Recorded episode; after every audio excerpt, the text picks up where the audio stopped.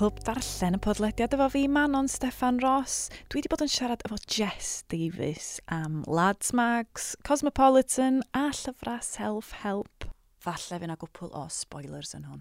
Jess, i chrybuddio chi mae yna iaith gref yn y bodlediad nesaf yma, rhag ofn bod gennych chi rai bach yn y car efo chi. Dyma chi sgwrs efo Jess. Jess Davis. Ti'n iawn? Ie, yeah, iawn, diolch. Yeah. Dwi'n da iawn, diolch. Ti wedi cael diwrnod prysur iawn heddiw. Ydw, ie, yeah, o'n i'n heio mai. Ni um, bach o ffilmio yn y marchnad na, fe'n really nice. Ie, yeah, gys ti lot o dda bwyd am ddim. Ie, yeah, o'n i'n trio, trio bod bach yn cheekio, nes i gael cinema yn burn a bach yn posh yeah. actually na, ie. Yeah. Nice.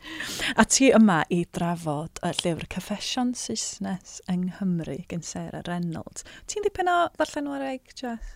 Um, Dwi'n trio darllen mwy. O'n i pan o'n i'n mwy ifanca, e, mm. darllen lot, O nawr fi'n eog ofnadw just bod ar ffôn fi. Yeah. A just dar, uh, darllen blogs a pethau fel yna, really. Okay. Ond dwi'n prynu fel Cylch cronau lot, fi'n, achos fi'n really mwynhau cael fel magazine a just flico trwyddo.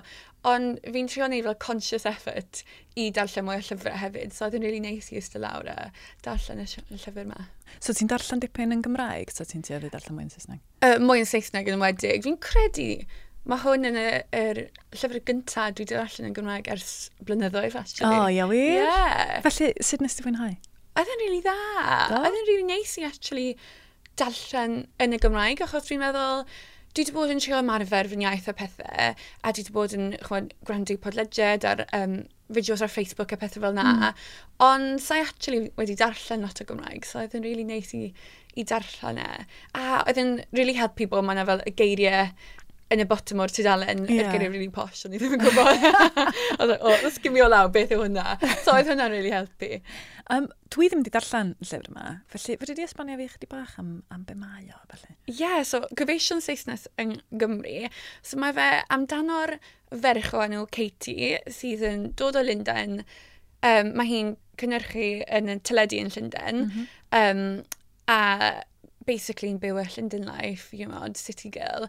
Ond wedyn mae hi'n gweithio ar program deitio, Um, oh, ah, okay. A wedyn yn mynd i Sbaen yn gweithio ar y program yma, a mae fe'n dechrau fel, mae un o'r contestants o enw Dylan uh, o Gymru, a mae hi'n gyrru fe i'r diet, i'r, achos mae, he, mae fe yn cymryd rhan yn y rhaglen. Ah, right. A wedyn maen nhw cymryd yr chmod, directions anghywir yn y satnaf, maen nhw'n cael crash. Oh. A wedyn, maen ma nhw'n iawn, ond they have to get recovered. A dyna pam aeth nhw cwmpa mewn i gariad oh, yn y car. Oce. Okay. Yeah. Felly, twa, pa mor bell mae hwnna'n mynd â chdi? Ydy o achos y teitl, mae hi'n symud i Gymru, fod efo? Ie, yeah, so maen nhw'n cwmpa mewn cariad, a wedyn just pedro wythnosau ymlaen, maen nhw'n priodi yn Sbaen. Oh, wow. Ie. Yeah. so mae'n really gyfrif, so, oh, okay. a wedyn, syth ar ôl hynna, mae hi'n symud nôl i Gymru efo fe ar ôl ei wyliau. A wedyn mae fe'n dweud, oh, you know, mae gen i, ni'n adeiladu tŷ, mae fe'n bod yn really nice, bla, bla, bla. A wedyn maen nhw'n mynd nôl i Gymru, mae'r tŷ yn siop siam, so fe'n barod, so mae rhaid i nhw symud mewn i, efo teulu nhw yn fferm yn Ceredigion. Ah. So oedd y bach yn sioc fi'n credu i hi, achos mae hi ddim yn siarad gair o Gymraeg. Um, so mae hi just fel, be sy'n digwydd achos mae nhw'n Cymro Cymro. Um, Sut mae'n gweithio? Achos bod chi'n siarad Cymraeg ond mae'r nofel yn Gymraeg. So mae'n yeah, so o'n i, on i actually meddwl oedd bach yn confusing achos mae nofel yn Gymraeg a mae hi'n dweud so hi'n siarad Gymraeg. Oh, a weithiau, okay. weithiau mae hi'n swapo i Saesneg, so mae cwpl o geiriau Saesneg. Oh, right ond mae fe'n Gymraeg, ond mae hi'n dysgu Cymraeg. Yeah. So mae fe'n bach yn confusing, ond mae fe'n ma fe eitha hawdd i, chwein, dilyn y pwynt, achos yeah. mae hi'n cael chat efo rhieni hi a pethau fel na, mae nhw'n Saesneg. Oh, a weithio mae fe, mae'r geiriau'n Saesneg, a weithio mae nhw'n Gymraeg, ond wrth gwrs mae nhw ddim yn siarad Gymraeg. So... Ond oedd o'n teimlo'n rhyfedd, neu oedd o'n gweithio? Ia, yeah, oedd o'n gweithio, actually, oedd o'n neis, ac... Um, Mae fe'n really neis achos yn y llyfr wedyn, mae fe'n dechrau, mae hi fel yn dweud round, round y table yn, yn y gegin i teulu um, Dylan, gallech chi just stopo siarad Gymraeg, mae fe'n really rude, sa'n deall. Oh, a mae nhw'n really grac amdano fe, yn mae hwnna'n really rude, chmod. A wedyn o hwnna, mae fe'n symud ymlaen i hi trio dysgu'r iaith mm. a dysgu amdano'r um, y culture hefyd, really. Oh, wow. So, maen nhw efo cath o'n Owen Glyndŵr. So, pwy yw Owen Glyndŵr? Owen e, chwarae rygbi a wedyn mae fe'n siarad o'n hwnna. Um, mae hi'n mynd i grŵp Merchant y Wawr efo ei mam a beth yw Merchant y Wawr. So, just pethau fel na, really. Mae fe'n really neis i ffeindio mas mwy amdano Gymru a just dim, just dim yr iaith, really. Oh, okay. Mae'n ddifur bod yr uh, er awdures er yr enol sy'n mynd ar ôl y peth na, ysdi pan ti mewn criw o bobl Cymraeg a mae yna un person sydd ddim yn siarad Cymraeg a mae pawb yn droi Saesneg, oedd mae mor chwythig, fydd be, be da ni fod i wneud fan hyn. Ond mae gweld o perspektif rhywun arall yn yeah. eitha dewr i sgwennu, dydy, mewn ffordd. Ie, yeah, oedd yn eitha dewr. A wedyn, oedd yn neis, actually, achos wedyn aeth, mae rhieni hi ddim really yn supportive mm. amdano'r proses, well, mis. Just, yeah, just i'n abod i'n gilydd am mis, so you can understand. Ond mae nhw'n dod achos oedd hi'n protestio dros yr, um, yr iaith o'n nhw'n mynd i cloi yr ysgol bach yn y pentre. Mm -hmm. So mae hi'n um, mynd efo ei ddeulu. um, brwydro dros yr, yr pro, uh, protest i'r cloi'r ysgol. A wedyn mae hi'n cael accident, mae um, gwallt hi, mae rhywun yn cymryd gwallt hi ar tân. So mae hi ar y newyddion yn Lloegr. Um, a wedyn mae mam hi yn gweld, gweld and she's like, oh my gosh, you know, you've been radicalised, mae rhaid chi dod nôl. a pan maen nhw na, maen nhw'n mynd mewn i coffi siop wedyn, lle mae pawb yn siarad Gymraeg, a mae rhieni hi yn dweud, this is really rude, you know. Ah. Uh. Pam ydych chi'n neud hwnna? A wedyn mae hi'n teimlo, actually, mae hwn yn anghywir a yeah. dyna be oedd fi'n meddwl pan mae ti'n dod mas. So, Felly mae ma hi'n mynd ar daith go iawn. Ie, yeah, mae hi really yn. Mae hi'n ffeindio mas, chymod, y pethau bwysig fel o'n nhw'n protestio amdano'r iaith, ond oedd yn dweud oedd mam Dylan yn y carchar, mm. chymod, achos brwydro mm. dros y iaith yn, yn yr um, 80au, pethau fel na. So mae hi'n really yn, chymod, trio deall amdano'r yr, yr culture ac, a Gymru, a dim just dysgu'r iaith Gymraeg a wedyn mynd gatre, just, chymod, mae hi'n really taflu hi'n mewn i byw yn Gymru. Oeddech chdi'n dweud bod, um, bod i wedi symud i ffermdu yng Ngheredigion, wan ti'n ogan yng Ngheredigion. Yeah, yeah. A fydde ti'n nabod y math yna o gymeriadau, oeddech ti'n meddwl, o oh, ie, yeah, mae hi'n atgoffa fi o... Oh heina, neu atgoffa fi o bobl o'r lle yna, neu oedd o'n teimlo'n real? Ie, yeah, oedd yn teimlo'n really real, ac i fod yn onest, fi'n fi, teimlo, falle, dwi yn y ganol o dim totally fel pan maeth hi symud o Linden, yeah. ond sain fel Cymru Cymru hefyd i gwybod sain iaith gyntaf Gymraeg. Mm. Sain mynd i merched o'r chymryd, sain really yn gwybod lot amdano fo'n glyndwr. So, o'n i'n teimlo actually fel dwi'n gwybod sut dych chi'n teimlo yeah. pam dych chi'n rownd cymeriadau fel na. Ond hefyd, dwi'n ddeall faint mor bwysig mae fe i pobl fel na sydd yeah. really yn brwydro dros y iaith. A dwi'n, mae fe just, oedd yn llyfr really neis i, i cofio hwnna, really, cofio mm. sut mor bwysig mae fe i pobl sefyll lan dros y iaith. Ond hefyd, just wneud ymdrech. Yeah. Achos dyna beth dwi'n trio ni, chwma, efo, efo iaith Gymraeg fi. Just wneud ymdrech efo, efo mm. defnyddio'r iaith ar um, cefnogi lleol y pethau fel na. So mm. oedd yn, ie, yeah, llyfr really. Nice. Ond hefyd, oedd, e, oedd yn really, dim, mae fe'n swnio'n really serious, ond maen nhw'n boncio yn yr wood ar Voice of Farm, so so fe'n really serious. ti'n meddwl, fatha, fel, ti'n dweud, ti'n mynd darllen lot yn Gymraeg, um, ond tywed, o ran diwylliant Cymru Cymraeg, ti'n meddwl bod ni, ti'n bach yn prudish? Ie, yeah, ni yn. Gyffredinol. Ie. Yeah. Ond o'n i ddim, o'n i ddim yn, yn expecting fod nhw'n bonker. I got darllen e, cwpl amser oedd, achos o'n i fel, a wedi eisiau mynd lawr i'n notes fod geiriau, a I got, have I got that right? Ie, yeah, maen nhw'n boncio yn y coed. A wedyn na'i fel ffrindiau hi cwrdd lan i'r gweld, gweld nhw, fel, o, o, chi'n minx o pethau. A ni fel, o, oh, mae hwnna'n really, achos pam dwi'n darllen fel llyfr Saesneg, mm. bydd chi, dwi'n darllen 50 Shades y pethau, chymod, yeah, yeah. ond yn Gymraeg, so chi'n expecto hwnna, so ni fel, o, oh, okay. Mae'n really odd, dydy, achos bron pan ti'n darllen llyfrau Cymraeg, um, unrhyw beth o fatha, unrhyw fath o serch yna fo, mae bron lot mwy shocking just achos bod o'n Gymraeg. Yeah. Fatha sys nhw'n sgwennu Fifty Shades yn Gymraeg. Fatha, oh my gosh. bobl yn mynd yn nas. Ie, yeah, fi'n nhw'n. Fi'n credu falle achos mae lot o pobl yn meddwl amdano'r iaith sydd ddim iaith gyntaf Gymraeg, a meddwl amdano fe fel iaith ysgol. Yeah. So falle, pam ydych chi'n darllen, ydych chi'n meddwl bydd e fel, oh, just books ysgol. Yeah. A wedyn mae rhywbeth fel na'n cael ei taflu mewn i chi. Fel, o, oh, okay. mae hwn yn eitha hwyl ysbrich, man. A alla, achos bod ni'n, yn eitha tybod, da ni'n tuedd i canolbwyntio ar ond mae rhaid ni barchu'r iaith achos tybod, bod rhaid ni frwydro dros di. Alla bod ni'n gweld o yn fwy yn mor ymwybodol fod rhywbeth yn Gymraeg yn hytrach na just, wel, bedio di ffordd o ddeud stori, pa bynnag stori ac am be bynnag mae o da. Ie, yeah, yn wedig, achos mae lot o pobl yn meddwl, mae yna gymaint o chyma, parchu'r iaith a, mm. a falle me meddwl amdano'r um, chyma, pobl hen a pethau fel yna, yeah, yeah, meddwl yeah. amdano'r iaith. Bod so chi'n meddwl, gallech chi wneud rhywbeth bach yn sexy yn, yn yeah. y llyfr, so oedd yn neis i gweld rhywbeth gwahanol. O, dwi'n gwybod mae awduron oedd bethau'n gwanas a Marad Lewis di sgwennu pethau am ryw, ond dwi'n cofio, nes i sgwennu nofel o'r enw Llanw. Wedyn nes i fynd i ryw glwb darllen yn fuan ar ôl i llanw ddod allan. A mae yna sex scene yn llanw. Yeah. Okay.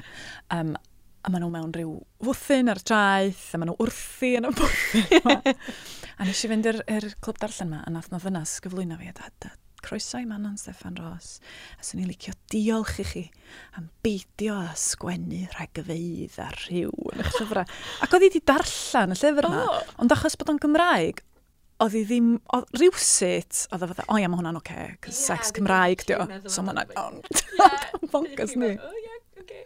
Ia, lle ti'n meddwl bod angen mwy o'r math yma o nofel yn Gymraeg? Ie, yeah, dwi'n meddwl, os oedd na mwy mas na, byddai nawr yn actually darllen nhw. Mm. Achos fi'n credu dyna'r peth yn yn llyfrau, efo'r podlediad, efo chwod, teledu, pethau fel na. Mae well, dwi, ma fi, a fi wedi siarad â ffrindiau fi hefyd, y pethau fel na, ni eisiau just, chwod, darllen cynnwys, byddai darllen yn Saesneg, yeah. ond mae fe just actually yn Gymraeg. Yeah, just digwydd so dim, bod. Ie, Yeah, so dim actually mae fe'n really gwahanol a fel, chymod, rhywbeth really parchus a pethau fel na. Yeah. Byddai just yn chymod, darllen e neu gwylio fe yn Saesneg, ond actually mae fe just yeah. yn Gymraeg. Fatha bod o ddim yn isiw bod o'n Gymraeg, just yeah. y gwybod dyna'r iaith. Yeah. yeah.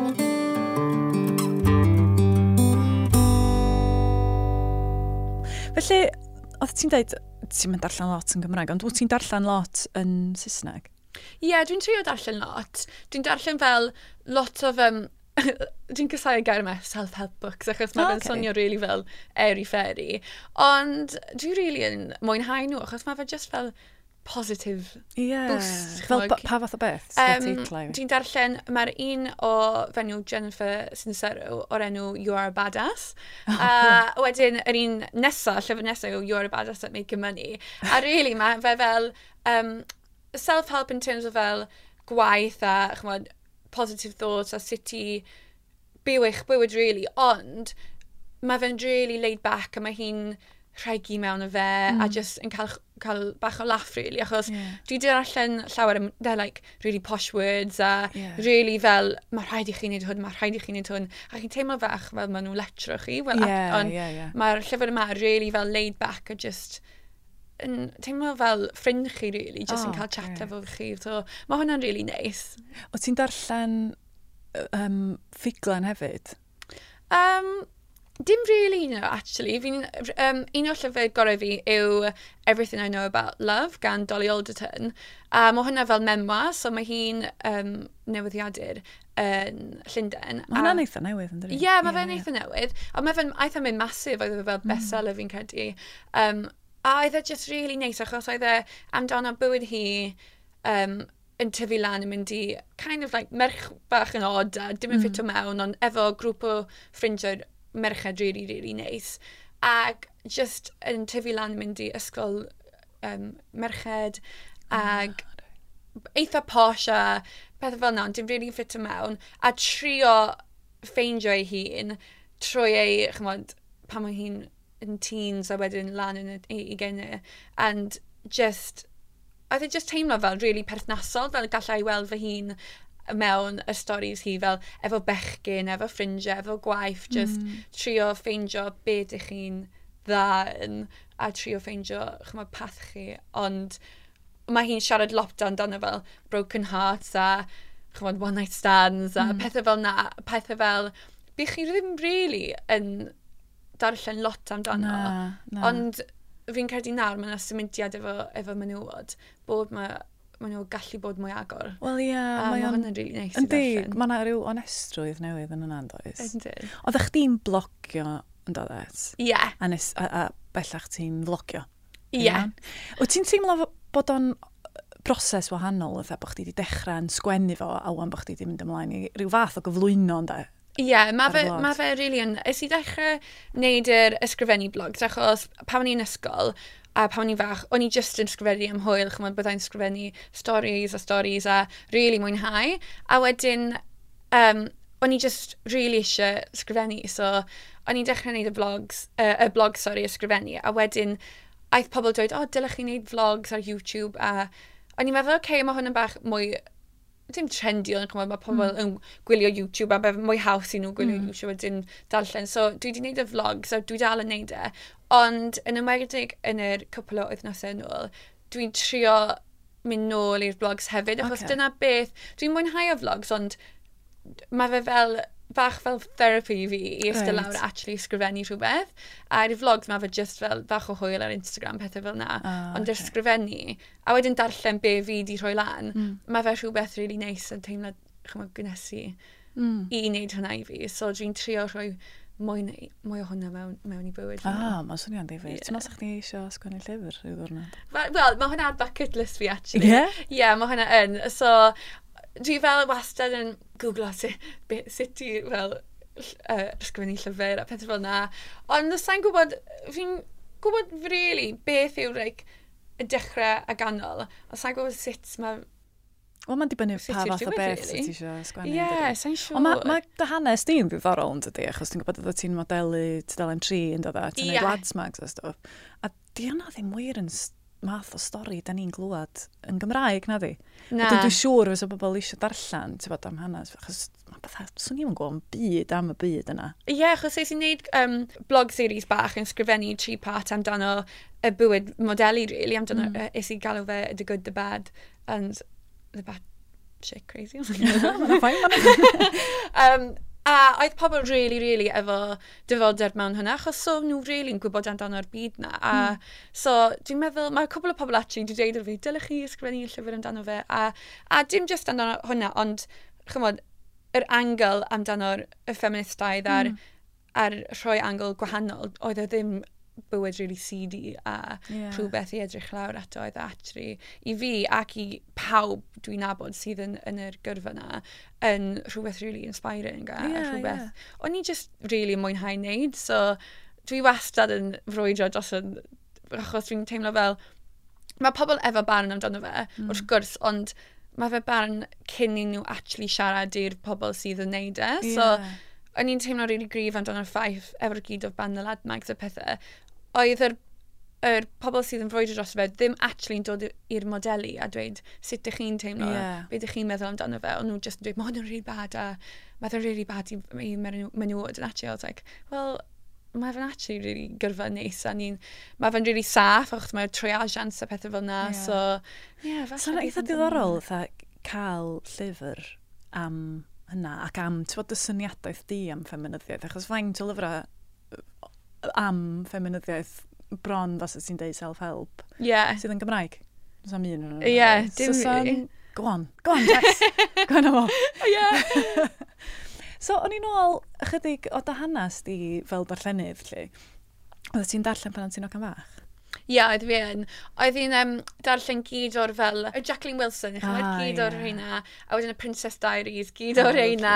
So, really fel, Typ typical um, merched ifanc books, really. Anger songs and full from oh, Snogging, yeah. yeah. So, really fel teen books. Ond so, fi'n really dwlu ar pethau fel na. Just light-hearted, chymod? Yeah. A o'n i'n mynd trwy'r amser i'r llyfrgell efo, oedd dad yn, yn mynd â fi. A oedd hwnna rhywbeth o'n i'n really mwynhau yn edrych ymlaen i pan o'n i'n fach. Ac um, oedd rhaid fi printo, achos mae printo fi wedi um, torri. So, ddoe, actually, o'n i fel, mae rhaid i fi print hwn mas, mae rhaid i fi fynd i'r llyfrgell. And I was like, oh my god, sa'n actually yn membod, oh, member wow. o Llyfrgell yn, yn Cardydd. So, es i lawr i penath, a o'n i fel, oedd e'n really nice i actually bod mewn Llyfrgell a cofio gyd o'r memories neis na. Yeah. So, nawr fi fel, reit, mae rhaid i fi fynd nawr i'r Llyfrgell. ni'n mynd allan o'r arfer o'n Ie, yeah, a, a wneud yr effort i actually darllen mwy. Oes na un llyfr penodol ti'n meddwl sydd wedi gwneud gwahaniaeth mawr yn dy fywyd di? Fatha, be di'r... Tys ti'n gorau mynd i ynys bellenig a mond cael mynd â un llyfr efo chdi, beth sydd ti'n mynd fo ti? Ww, mae hwn yn cwestiwn da. Sa'n siŵr. Dylsyn ni di warnio ti am y cwestiwn. Ie! Yeah. Na, dwi'n credu... O, oh, actually, ie, yeah, fi'n gwybod, um, Girl Boss gan Sophie Amoruso. So, mae hwnna'n fel memo hi hefyd. A uh, aeth hi dechrau wneud um, e dechrau ar eBay yn selling uh, like vintage clothes. A wedyn, oedd hi bach yn like, down and out yn, yn dim yn neud lot, a mae hi o, o America. A wedyn aeth y busnes am really tyfu, tyfu, tyfu. A wedyn nawr mae hi fel multimillionaire wow. um, yn America, mae hi efo um, brand girl boss, a wedyn um, dillad y pethau fel na. Ond nawr mae hi'n neud, mae hi'n neud podlediad, ond mae hi'n wastad ni fel talks a um, girl boss kind of festivals a pethau fel na. A o'n i'n meddwl, actually, oedd hwnna'r llyfr aeth wneud fi teimlo bach mwy ambitious a bach mwy mm. fel hmm. actually reit gallai wneud mwy na just settle, chymon? Ie, yeah, ie. Yeah, Oedd yn yeah. really neis i clywed y stori hi. So, a nawr dwi wastad yn gwrando'r podlediad, darllen llyfrau arall hi. Mm. So ie, yeah, falle na i dweud oh. hynna. Ah. A dda ti'n dweud gyna bod ti'n um, darllen lot o gylch grona? Dda pa fath o gylch grona ti'n darllen? Uh, dwi'n darllen uh, glamour Okay. Gam y mag, a wedyn Cosmo Mag, weithiau Marie Claire. So, gyd o fel y woman's mag. So, maen nhw'n really dda nawr yn y ffaith bod nhw'n trio wneud lot mwy erthigol, so yeah, dim actually yeah. just make-up a pethau fel yna. Fi'n yeah. flico dros y make-up pages, so I actually yn bodd rhaid nhw a clothes a pethau, achos I'm like, one, can't afford those clothes. so, oedd nhw'r erthigol, nhw actually really interesting amdano fel sex trafficking neu like, trolling, yr oh. er, er cyfryngau cymdeithasol y pethau, really yeah deep a actually really bwysig. So mae fe'n ma fe neis jyst i darllen nhw actually, achos yeah. so chi'n gweld lot o hynna. A os dwi'n trio darllen fel erthigol ar-lein, fi jyst yn cael ei distracted ar ffôn fi. So mae fe'n neis jyst i eistedd lawr a darllen rhywbeth a dim edrych at ffôn chi, jyst dal e yn, yeah. eich, yn eich dwylo. Yn dim yn ei gwahaniaeth yn dydy. Mae fe rili really yn. Un o'r pethau efo y math yna o gylch grona, dwi'n meddwl mae pobl yn gallu bod mor snobyddlyd amdano fo, ydy, o oh, ie, yeah bod ti mond i fod i ddarllen yr erthygla serious bethau. A mae hwnna bron fel, wel, os dwi'n licio make-up, dyna mae'n neud fi'n yeah. llai o berson. Na. Bod, na, os dwi eisiau darllen am Love Island, mae hynna actually yn oge. Okay. Tybod, sy'n byd yn bod efo fan ag oes. yeah. bod ni just yn rhan o derbyn pwy ydyn ni, dweud. Ie. Yeah. Absolutely. Diolch o gael o'n i ti, Jess. Oh, i cael amser hyfryd yn trafod efo chdi. a Dwi'n edrych ymlaen at y llyfr yma. diolch, Jess. Diolch i chi.